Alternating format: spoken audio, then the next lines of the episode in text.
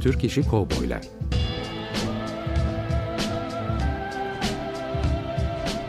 Türk sineması ve Yeşilçam'da Western.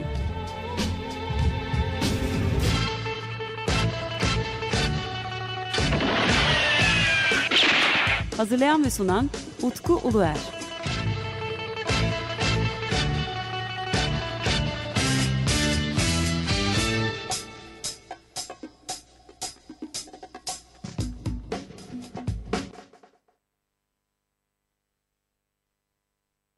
Merhabalar değerli e, Türk İşi Kovboylar radyo programı dinleyicileri. Ben Deniz Utkuler ve yeni bir e, Türk İşi Kovboylar radyo programında sizlerle birlikteyiz.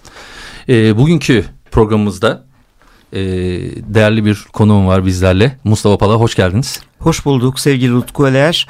Burada bulunmaktan çok mutluyum. Başta size ve Açık Radyo ailesine çok teşekkür ediyorum. E, tabii biliyorsunuz e, geçtiğimiz 15 gün önceki programda ben 3 e, ya da 4 program üst üste e, Yılmaz Atadeniz'le ilgili e, yaptığımız söyleşiyle ilgili ilerleyeceğimizi, onunla yaptığımız o geniş sohbete yer vereceğimizden bahsetmiştim. Ancak e, geçtiğimiz hafta Türk e, çizerler için çok önemli iki kişi aramızdan ayrıldı. E, ilk başta e, Abdurrahman e, Turan'ın e, vefat haberini aldık. Ardından da akşam vaktinde de Suat Yalız'ın aramızdan ayrıldığı haberi geldi. Bu aslında bir döneminde sonu e, diye düşünüyorum değil kesinlikle, mi? Kesinlikle. Evet. Türk çizgi romanına 1960 ve 80 yılları arasında damga vuran iki büyük ismi sonsuzluğa uğurladık. Gerçekten acımız çok büyük. Evet. E, tabii e, bu önemli bir e, aslında bir dönemin sonu. Ya yani ben onu öyle de işte birkaç tane yerde ya, aynı şey yazdım. Bir dönemin sonu olarak ben bunu nitelendirdim. E, ve ben de e, en azından Suat Yalaz'la ilgili bir program yapmamız gerekiyor diye düşündüm Türk İşi Kovboylar'da. Çünkü Suat Yalaz e, benim de yakın tarihte öğrendim. Tabii bu konuya daha detaylı olacak olarak e, Mustafa ile birlikte gireceğiz e, önümüzdeki e, 20 dakika 25 dakika boyunca.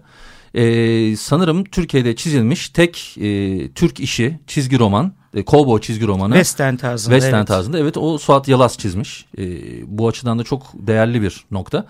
Ve onun için de değerli illüstratör ve çizgi roman araştırmacısı e, dostum Mustafa ile birlikte görüştük ve dedim ki bu önümüzdeki Türk İşi Kovboylar radyo programında e, Suat Yalız üzerine sohbet etmek istiyorum ve seninle birlikte Sony, Sony Ringo çizgi romanı üzerine de konuşmak istiyorum dedim. Çok sağ olsun e, davetimi kırmadı ve hoş geldi. Tekrardan. Şeref duydum teşekkür ederim. Evet böyle kısa bir girişle yaptık ki e, seni özellikle tanımayan e, dinleyicilerimiz biraz tanısın istiyorum ben. E, çünkü bizim yollarımız birkaç yerde kesişti Mustafa ile. E, çizgi romana ilgisi olan insanlar aslında Mustafa Pala'yı bir şekilde tanıyordur diye düşünüyorum ben. E, çünkü Türkiye'deki çizgi roman tutkunlarının birleştiği birkaç tane forum vardı. Ee, evet. Bu forumların bir tanesinde sanırım sen ismini vermek herhalde sorun olmaz değil mi düşünüyorum? Tabii sorun olmaz. Abi birkaç tanesinde o, o, o hikayeleri tam bilmediğim için ama. Evet e, şöyle oldu. Türkiye'de çizgi romanın yok olmaya başladığı yani on düşünüldüğü bir dönemde Çizgi Diyarı forum sitesini keşfettim. Ve daha sonra dostlarımızla bir araya geldik ve Türkiye'de çizgi roman için neler yapabiliriz? Bu düşünceyi taşıdık ve sonra çeşitli oluşumlarda yer aldım ve en son olarak çok mutluyum aralarında olmaktan. Çizgi Roman Okurları Derneği'nin kurucu üyelerinden biriyim. E, rahmetli Haluk Yücesoy tarafından kurulan bu dernek ne yazık ki Haluk Bey'in ölümünden sonra bizi çok üzdü. Fakat e, çok değerli koleksiyoner Önder Çakı geldi, başkanımız oldu ve Türkiye'de çizgi roman, özellikle Türk çizgi romanın için neler yapabiliriz bunları konuşmaya başladık. Çok önemli üç tane sergi yaptık. Çizgi romanı yaşatanlar sergisi. E, zaten e, ben de katılımcı olmuştum o sergiye. Evet. Ve e, Levent Çakır'la birlikte bir söyleşimiz olmuş bizim de o. E, çok çok güzeldi özellikle bu Caddebostan'daki e, sergi. Şimdi e, amacımız şu, bu sergilerdeki amacımız Türkiye'de çizgi romana emek vermiş ne kadar çizer varsa en az bir tane olmak üzere eserini bulundurmak istiyoruz. Hı hı. Zaten en büyük hayalimiz Türkiye'de ilk olacak olan çizgi roman müzesini kurmak. Anladım. Bu e, ben de bu arada e, Çizgi Roman Okulları Derneği e, üyesiyim. Onu da buradan e, söylemekten e, gurur duyuyorum diyeyim. Önemli bir misyonu var e, derneğin tabii ki. E, ve hani bu konuda e, bence e, önümüzde çok uzun yıllar var. E, farklı bir gelecek bizleri bekliyor. Çünkü çizgi roman e, okuyucusu çok fazla var. Şimdi evet. aslında buradan şuna bağlamak istiyorum ben. E, Türk İşi Kovboylar radyo programına başladığım zaman e, ilk başta bu filmleri yani özellikle Türkiye'de çekilmiş kovboy filmlerini ele, ele almayı düşünüyordum. Fakat bu hikayeyi daha derinlemesine incelediğimiz zaman e, bir şekilde e, Türkiye'de özellikle 60'larda ve 70'li yıllarda e, öne çıkmış olan çizgi romanların çok önemli olduğuna ulaşmaya başladık. Zaten bu Türk işi kovboylar filmler dediğim zaman işte Red Kid'in e, uyarlaması var. Evet. Ezagor'un uyarlaması var zaten. Kaptan Swing, Komandante Mark yani Kaptan Swing onun bir uyarlaması var. Yani bu Türk işi kovboy filmleri yapılmışsa eğer e, çizgi roman çok önemli bir yer kaplıyor. Ve yani programda da ben çizgi romanlardan bol bol bahsediyorum zaten bir şekilde. E, kesinlikle televizyonun olmadığı bir dönemde çocukların, gençlerin en büyük eğlencesiydi. Daha sonra tabii buna benzer hikayeleri beyaz perdede görmek de ayrı bir heyecandı. Zaten e, az sonra kendisinden bahsedeceğiz. Suat Yalız ustamızın çok güzel bir lafı vardır. Çizgi roman kağıt üstünde sinemadır. Ben asla bu iki türü birbirinden ayıramıyorum. E, zaten aslına bakarsan e, işte Türk İş Kovboylar diyoruz ama e, tarihi Türk filmleri de aslında hemen hemen hepsi e, çizgi romanlara dayanıyor. E, kesinlikle e, hatta e, şöyle söyleyeyim çizgi romanların dışında yapılan film yok bile diyebilirim size tarihi film açısından. Ben, ben de öyle olduğunu düşünüyorum. Yani şimdi Battal Gazi zaten bir çizgi roman. Evet. Her ne kadar e, gerçekle bağlantılı olduğu söylense de Kara Murat zaten bugün e, de ismini andığımız. Sevgili Abdullah Turhan'ın evet, eseriydi. Turhan. İşte Tolga, Tarkan ki bu türün ilk temsilcisi Suat Yalaz ustamızın Karaoğlan'ı. Tabii. Yani gerçekten çizgi roman ve sinema hep bir arada. Ben de sizi bu programdan dolayı tebrik ediyorum. Gerçekten büyük bir açığı kapatıyorsunuz. Teşekkür ederim efendim. Şimdi siz de o açığı kapatanlardan bir tanesi olacaksınız bugün. Teşekkür ederim. e, şimdi tabii e, çok yeni kaybettik Suat Yıldız'ı. Evet. E, ve ben de hani Sonny Ringo e, çizgi romanından e, birazcık geç haberim oldu. Ve yine şöyle bir eklemem gereken bir nokta var. Bu radyo programını yapmaya başladığım zaman bazı verileri derlemeyi on, onlarla birlikte yani radyo programı ile birlikte ben bu Türk işi kovboylar konusunu daha yakından tanımayı e, öngörmüştüm. Zaten radyo programının başlama e, ilkesi de oydu. Hani biz program sırasında bir sürü şey öğreneceğiz. Ve gerçekten çok fazla şey öğreniyorum. E, tabii duyduğum zaman e, Suat Yalaz'la da görüşmem gerektiğini düşünmüştüm ben. Çünkü bu bir, bir, bir buçuk iki ay önce yani çok şey yani sen kaç seneler beri bildiğini bilmiyorum ama ben maalesef bu konuda evet, biraz... Evet e, bilgim yokmuş. Sony Ringo ne yazık ki Türkiye'de e, yayın periyodu böyle çok da şanslı evet. giden bir eser olmadı. Evet ama tabii ki ilgisi ilgilisi olunca da biliyorlar sonuçta. Tabii. E, yalnız işte Suat Yıldız'ın biraz rahatsız olduğundan bahsettiler ve ben de onun için zaten onunla herhalde görüşmenin zor olacağını düşünmüştüm ben ama e, ne yalan söyleyeyim hani e, belki bir yerde bir bir araya geliriz ondan belki birkaç e, hikayesini duyarız diye de ümit etmiştim ama çok zordu. Yani özellikle benim haberim olduktan sonra onunla görüşmem gerektiğiyle ilgili ki e, bu konulardan bir tanesi bana değerli dostum Güven Erkin Erkal da söylemişti. İşte böyle bir şey var demişti. Şimdi benim merak ettiğim konulardan bir tanesi şu. Şimdi e, tabii ki çizer Suat Yalaz. Ancak e, öyle bir çizer ki sinemayla da çok ilgisi var. Kesinlikle. Ama çok da önemli birisiyle de sinemadaymış. Mesela oradan başlayıp e, çizgi romanı doğru ilerlersek peki daha ilginç e, olabilir e, diye düşünüyorum. Şimdi şöyle izah edeyim size. Suat Yalaz 23 yaşında genç bir akademi öğrencisiyken büyük usta ki bence kendisi Türk sinemasında tabuları yıkan adamdır. Lütfi Ömer Akat. Hı hı. Sinemada yeni bir soluk arıyor. Yani görüntü açısından, sinemanın resim güzelliği açısından bir akademiyle çalışmayı düşünüyor. Ve yardımcısı Nişan Hançeryan'a böyle bir genç var mı diye sorduğunda Nişan Hançeryan Suat Yalaz'ı getiriyor ve e, Lütfi Akat'la tanıştırıyor. İşte Suat Yalaz'ın sinema macerası böyle başlıyor.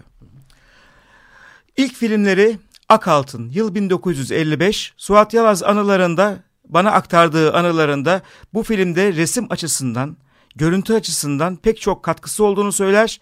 Hatta Lütfi Ömer Akat bu jestini e, buna e, karşılık olarak jest yapmış ve filmin senaryo yazarı kısmına Suat Yalaz'ın ismini kendiyle beraber yazmıştır. Hı hı. Daha sonra Suat Yalaz bu dönemde çizer olarak çok ön planda değil. Akbaba dergisinde karikatürleri yayınlanır. Fakat çizgi roman çizeri olarak çok da ünlü değildi o dönemde. Yani aslında biraz önce söylediğin laf yani e, çizgi roman kağıt üzerindeki sinemadır lafı. Evet. Suat Yalız'ı söylemesi çok doğal. Çünkü aslında o da bir e, bir şekilde sinemacı aslında diye Kesinlikle. bakarsak yanlış olmaz. Evet. Zaten e, onun eserlerine baktığımız zaman sinema karelerini çok sık görebiliriz. Sayfalarda e, canlı canlı bize bunu sunar. E, daha sonra Abdullah Ziya Kozanoğlu'yla Kaan dönemi başlar. Hı hı. E, ve ileriki dönemde Suat Yalas Kaan'ı evrimleştirerek ve Atilla döneminden Cengiz Han dönemine getirerek burada e, Karaoğlan'ı oluşturur. Ve kendisi yarattığı bu dünyayı sinemaya taşır. İlk yönetmenlik denemesi ve Türkiye'de ilk kez tarihi kahramanlık filmlerinin önü açılmıştır. Ama tabii e, Karaoğlan da çizilmeye başlanmış. Karaoğlan tabii çok öncesinde çiziliyor. Fakat işte Suat Yalaz ustadımızın çizerlik kadar büyük bir aşkı sinema. Yani kafasında oluşturduğu, sayfalara çizdiği kareleri perdede canlı olarak görmeyi yürekten dileyen bir usta ki bunu kendiyle yaptığım sohbetlerde kendisinden dinlemişimdir. Karaoğlan filmleri yepyeni bir çığır açmıştır. Ee, daha sonra Kartal Tibet'ten e, ayrıldıktan sonra yeni bir Karaoğlan arayışı başlar ve Kuzey Vargın'ı bulur. Hı hı. Yeni bir yapım yapılır. Karaoğlan Şeyh'in Kızı. Mısır, Türkiye ortak yapımı bir yapım. Ünlü Mısırlı sanatçı Samira Tevfik başrolde. Ee, kendisiyle izin verirseniz şöyle bir anekdotum var. Tabii tabii. Karaoğlan seçimi yapılırken Cüneyt Arkın Suat Yalaz'a gitmiştir. Suat Yalaz sarışın adamdan Karaoğlan olmaz diye Cüneyt Arkın'ı geri çevirmiştir. Kendisine yıllar sonra sordum. Üstadım dedim. Siz Cüneyt Arkın'ı geri çevirdiniz. Sarışın diye fakat daha sonra başka bir sarışını Kuzey Vargın'ı Karaoğlan yaptınız. Sebebi neydi? Dedi ki o da ondan da Karaoğlan olmazdı. Ama ben makyajla onu gerçek bir Karaoğlan haline getirdim dedi. Ama ne yazık ki sinema macerası pek iyi gitmedi ve Suat Yalaz Üstadımız Türkiye'den ayrılma gereğini duydu ve Fransa yılları başladı. Yıl 1970. Anladım. Ee, şimdi tabii e, mesela şunu da sormak istiyorum. Ee, peki senin Suat Yalaz'la tanışman hangi döneme denk geliyor? Bu benim için çok e, üzücü bir durum. Keşke daha önce tanışsaydım. 2013 yılında tanıştık üstadımızla. Daha sonra bundan 3 yıl önce e, kendisiyle güzel bir abi kardeş ilişkimiz başladı. Haftada 2-3 kere telefonda konuşurduk. Bana anılarını anlatırdı, hayallerini anlatırdı. Ve ondan öğreneceğim çok şey vardı. Çok e, benim için çok erken bir kayıp. Sanki hiç ölmeyecek gibi düşünürdüm kendisini. E, bu kaybı, bu acıyı anlatmaya kelimeler yetmez. Benim için gerçek bir abiydi. Hı hı. Ayrıca ben e, burada ismini anma, anmadan geçmek istemiyorum. Özgür Ateş de çok sağ olsun. Evet. E, Ee, özellikle son 10 yılı da hep, hep, yanındaydı yanında. Evet. Özgür Ateş. Onun işte e, sosyal medya hesaplarını yönetirdi. Hı. Ben de Suat Yalaz'ın adına yazılarını yayınlardım. E, Suat Yalaz dünyada gördüğüm en zor insandı. Şu açıdan zor bir insandı. Bir abi olarak, bir baba olarak inanılmaz güler yüzlü, yumuşak fakat iş, işe geldiği zaman ben böyle bir titizlik görmedim.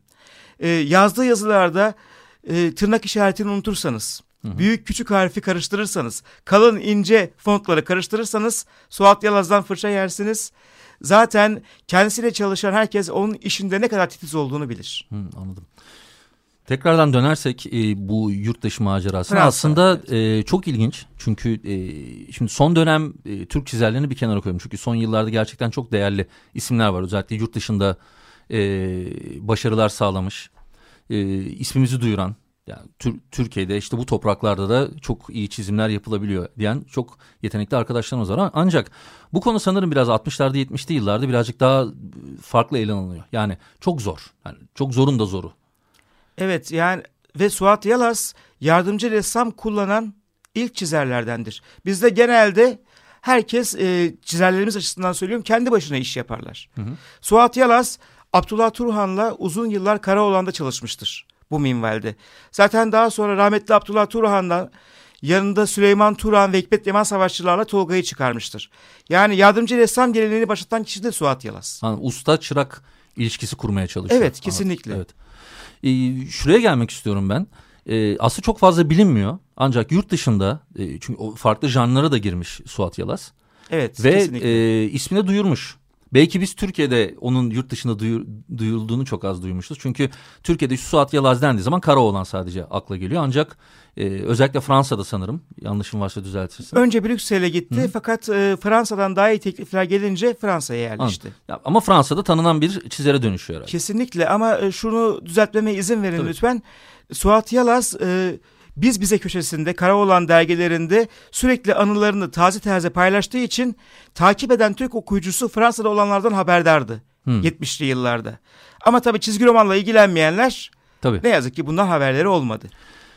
Ama e, Soneringo e, hikayesi yurt dışında sonuçta başlıyor. Kesinlikle. Evet. E, bunu şöyle anlatayım. Suat Yalas e, gittiği zaman Fransa'ya tabii ki onun baş kahramanı Karaoğlan bütün hayatı diyebilirim. Çok seviyor Karaoğlan'ı çizmeyi de yarattığı evreni de. Karaoğlan'ı Kebir ve Çangor adlarıyla yayınlamaya başlıyor. Hı hı. Fakat Avrupa insanının nasıl desem kılıçlı bir Orta Asya kahramanına bir ön yargısı var. Ve Avrupa'da ilk başlarda çok tutan bir kahraman haline gelmiyor Kebir, Karaoğlan. Ee, daha çok Fransızca konuşulan Müslüman ülkelerde, Tunus, Fas, Cezayir gibi ülkelerde Kebir ve Çangor büyük sükse yapıyor. Hı hı. Ee, Fransız yayın evi şöyle düşünüyor. Şimdi madem e, bu kahraman bu kadar iyi bir kahraman ve Avrupa insanı bir ön yargıyla yaklaşıyor. Acaba onlara daha Avrupa'yı bir kahraman sunabilir miyiz? Hı hı. Şimdi Suat Yalaz'ımızın, e, Yalaz ustamızın 60'lı yıllarda Türkiye'de karşı çıktığı bir tür vardı. Yabancı westernler. o daha çok bizden olmasını savunurdu. Öyle bir milliyetçiliği vardı çizgi anlamında. Fakat orada e, herhalde dünyaya açılmak açısından western türünü kabul ediyor. Daha çok sipariş bir iş diyebiliriz. Hı. E, kendisine sordum nasıl ortaya çıktı diye. Dedi ki hiç yorulmadım. Karaoğlan'ı aldım, saçlarını kısalttım, atına bindirdim, şapkayı da kafasına koydum mu oldu sana Ringo. Ve Ringo adıyla ilk etapta 16 sayı yayınlanıyor ve büyük sükse yapıyor. Şimdi e, ilginçtir. 15 gün önce programımıza katılan Yılmaz Atadeniz de şöyle bir şey söylemişti.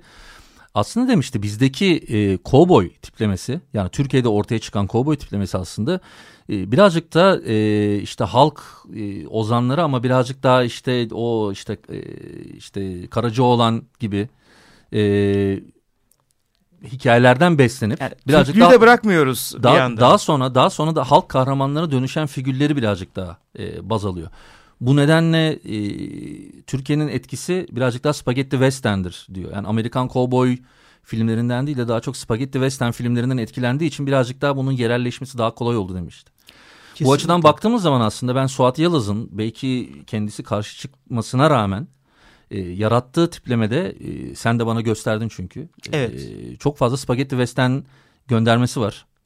Bence e, o da birazcık o formülü daha farklı şekilde yer almaya başlamış. Çünkü çok ilginçti çünkü e, programa başlamadan önce beraber seninle bir e, Sonoringo'ya bakarken o bana gösterdiğin sayfalar çok ilgimi çekmişti. Sanırım e, iyi kötü çirkinle de ilgili var değil mi? Evet şimdi şöyle bir çizer olarak e, Suat Yalaz ustamız başka e, fumettileri ya da frankofonları incelememiş. Hı hı. Bunlardan alıntı nasıl western yapabilirim diye bunları düşünmemiş. Hayır.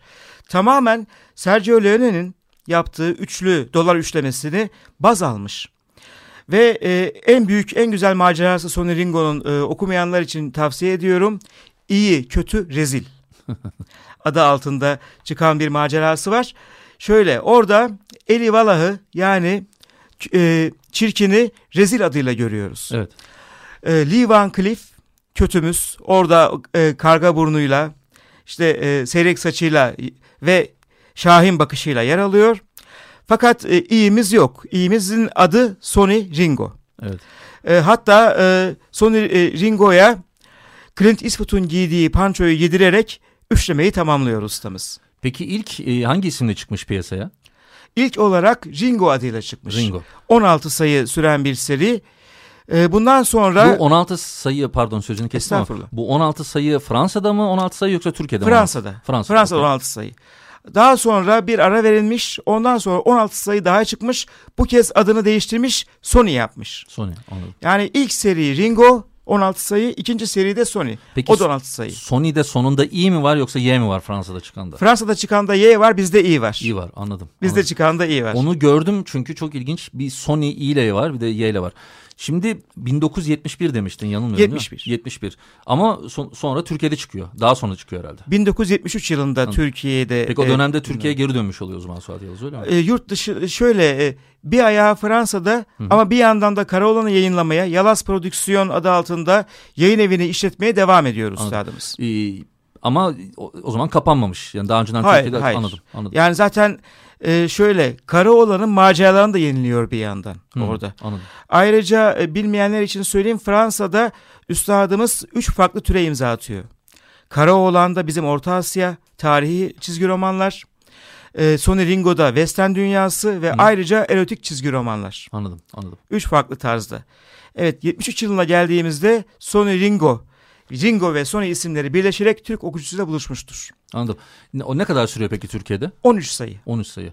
Daha sonra yayınlanmıyor mu yoksa? Daha sonra iki defa daha yayınlanacak. 5 yıl sonra 1977'de Karaoğlan renkli seride e, dolgu malzemesi olarak ne yazık ki kendi Hmm. özel serisine kavuşamadan dolgu malzemesi olarak kullanılacak ve daha sonra 2000'li yıllara geldiğimizde Binbir Roman tarafından bağımsız bir kitap olarak koleksiyonerlerin ilgisine sunulmuştur. Bu Horizon'dan e, Evet. sanırım yayınlanmış. Bu arada ilginç bir e, no- noktada ben e, ekleyeyim buraya. E, Horizon Fanatik Video'nun e, sahip olduğu bir şirket. Türkiye'deki en fazla e, Türk işi Western e, filmi de şu anda ha- e, yayın hakkına Fanatik e, film sahip. Mesela öyle ilginç bir nokta var. Bu Sony Ringo ama e, sanırım e, sadece yani eksik sayıları var herhalde değil mi bu son çıkanda? E tabi bütün sayıları yok. Mesela benim az önce en sevdiğim macera olduğunu söylediğim iyi, kötü ve rezil Hı hı. bu albümde yer almıyor. Fakat e, herhalde ileriki dönemlerde Suat Yalaz Üstadımızı anma adına yayın evlerini e, davet ediyoruz bu kitapla yeniden yayınlamaya. Bu, bunlar renkli olarak mı çizilmiş yoksa siyah beyaz mı? Siyah beyaz çizilmiş. Fakat Türkiye'de renklendirilmiş olarak 77 yılında okuyucuyla buluşmuştur. Hı, anladım. Şimdi burada o zaman yani bizim Türk bu tek e, aslında geçen seneye kadar tek Türk işi e, Cowboy çizgi romanımız Sonny Ringo'ydu. Sonny Ringo'ydu. Ee, Ta ki Onur Çetin Cengiz dostumuz Evet, Tanto isimli karakterini yaratıp kitabını çıkartana kadar. evet. E, bu arada buradan da Onur'a da selam söyleyelim. Onun da Evet, ilerleyen gerçekten. programlarda e, ikinci e, Türk işi Cowboy çizgi roman olarak e, kendisiyle de bir söyleşimiz olacak. Gerçekten Onur Bey'in yaptığı e, azim, çaba takdire şayan. Kendisini buradan tebrik ediyorum. Tabii canım. Ayrıca canlı yayında da tebriklerinizi iletiriz kendisine. Teşekkürler. Ee, dönecek olursak Sonny Ringo e, bir şekilde şu anda çok rahat da bulunan bir seri değil sanırım değil mi? Yani koleksiyoner yönden de baktığımız zaman. Değil, hayır. E, çünkü Türkiye'de çok az sayı çıkmış. E, dediğim gibi sadece 13 sayı ve artı dolgu malzemesi. E, neden tutmadığı konusunda ben de gerçekten soru işaretleri var kafamda. Kendisine sormuştum uzun ömürlü olmadığını söylemişti sadece ama Hmm. Sizin e, fikriniz nedir? Yani ilginç çünkü Türkiye'de bu bir furyaya dönüşme tarihi 1970. Evet. Furya'nın sonlanma tarihi de 73. e, 74'te artık bir, birkaç film daha çekiliyor ve sonlanıyor. Aslında çizgi romanın çıktığı dönemde e, hani kovboy filmleri furyası devam ediyor. İnsanların Evet. sanırım o kovboy çizgi romanlarına yönelik e, sevgileri de devam ediyor. Ve yine tahminim şu o dönemlerde bu Bonelli'nin ve Ese Gesse'nin e, Türkçe çevrilmiş olan işte kahramanları işte Kaptan Swingler olsun ondan sonra Zagorlar olsun onların hepsi yayınlanıyor bildiğim kadarıyla yanlışım var mı? Şimdi tabii ki benim aklıma şu düşünce geliyor aslında. Ee, belki Karaoğlan'a şapka giydirme fikri çok iyi bir fikir değildi. Ha tipinden dolayı diye düşünüyorsun. Tabii e, Türk okuyucusu alıştığı, sevdiği tipi başka bir kıyafet, başka bir coğrafyada görmekten hoşlanmamış olabilir. Hmm. Benim e, en büyük düşüncem bu yönde. Eğer başka bir tip çiz, e, çizseydi mesela Yandım Ali'de olduğu gibi Hı hı. belki de tutardı. Anladım. Şimdi tabii e, programın başında yani girmeden önce şöyle bir şey söylemiştim ben. E, sohbet etmeye başladıktan sonra ısındığımız zaman programın da sonuna gelmiş olacağız diye. Evet gerçekten Ee, su gibi aktı gitti. Evet evet. Ee, yani bize ayrılan sürenin yavaş yavaş artık sonuna gidiyoruz. Bir toparlamam gerekecek bu noktada. Ee, dediğim gibi Suat Yıldız'ın aslında hakkında konuşulacak çok daha fazla şey olduğunu düşünüyorum ben. Çünkü özellikle zaten kara olan filmlerine girdiğimiz zaman, tarihi filmlere girdiğimiz zaman, işte çizerlik konusuna girdiğimiz zaman farklı bir herhalde. Öyle e, bir noktayı belirtmeme Tabii. müsaade ediniz. Şimdi Sonny Ringo'da bir özellik var. Suat Yaz Üstadımız bütün tipleri sinemadan almıştır. Lee Van Cleef, işte e, dediğim gibi Eli Valla, Charles Bronson özellikle Çato'nun davulları macerasında Hı. hatta 1973 yılında yayınlanan serinin arka kapaklarında gelecek sayı Sonny Ringo'nun konuğu Charles Bronson, Eli Valah gibi reklamlar yapılmıştır. Ve Suat Yalaz Üstadımız e, sinemayı hiçbir zaman çizgi romandan ayırmamıştır. Kendisine Allah'tan rahmet diliyorum. Sevenlerine başsağlığı diliyorum. Ben de tekrar çok teşekkür ederim. Ee, tabii burada bir şekilde e, Sonny Ringo çizgi romanı üzerine bir not alalım dedik. Üzerine konuşacağımız konular birazcık daha çizgi romanı daha yakından inceleyerek elde edeceğimiz konular ama onu bir radyo programında yapmamız mümkün değil. Ama en azından e, çok az kişinin şu anda günümüzde yani 2020 yılında artık çok az kişinin e, tanıdığını düşündüğüm bu çizgi romanı bir şekilde hem de Suat Yalız'ı anarak e, hatırlamış olduk. Çok teşekkür ederim. Diline sağlık. Ben teşekkür ederim. Ayağına sağlık. Sağ olun. Sağ olun. uzunca bir yerden geldin. Tekirdağ taraflarından geldin. ya şaka. Ee, son bir e, şey söylemek istiyorum. Efendim Çizgi Roman Okurları Derneği olarak 25 Nisan'da Kadıköy Karikatür Evi'nde çocuk dergileri sergimiz var. Okay. Bütün çizgi roman severleri bekliyoruz. Saygılar. Tamam. Efendim e, bugünkü programında konuğum Mustafa Pala'ydı. Kendisine çok teşekkür ederim. Umarım ilerleyen tarihlerde başka bir konuyla yine kendisiyle görüşme imkanına erişiriz. E, 15 gün sonra Türk İşi Kovboylar'da yeniden buluşmak üzere. Ben de Utku Uluer. Hepinize iyi bir hafta diliyorum. Hoşçakalın. Hoşçakalın.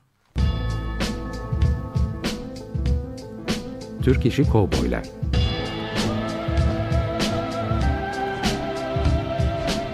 Türk sineması ve Yeşilçam'da Western.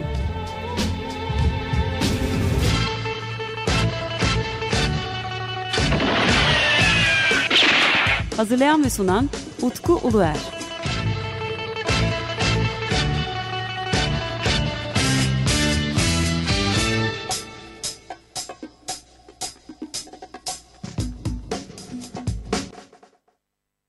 Açık Radyo program destekçisi olun. Bir veya daha fazla programa destek olmak için 212 alan koduyla 343 41 41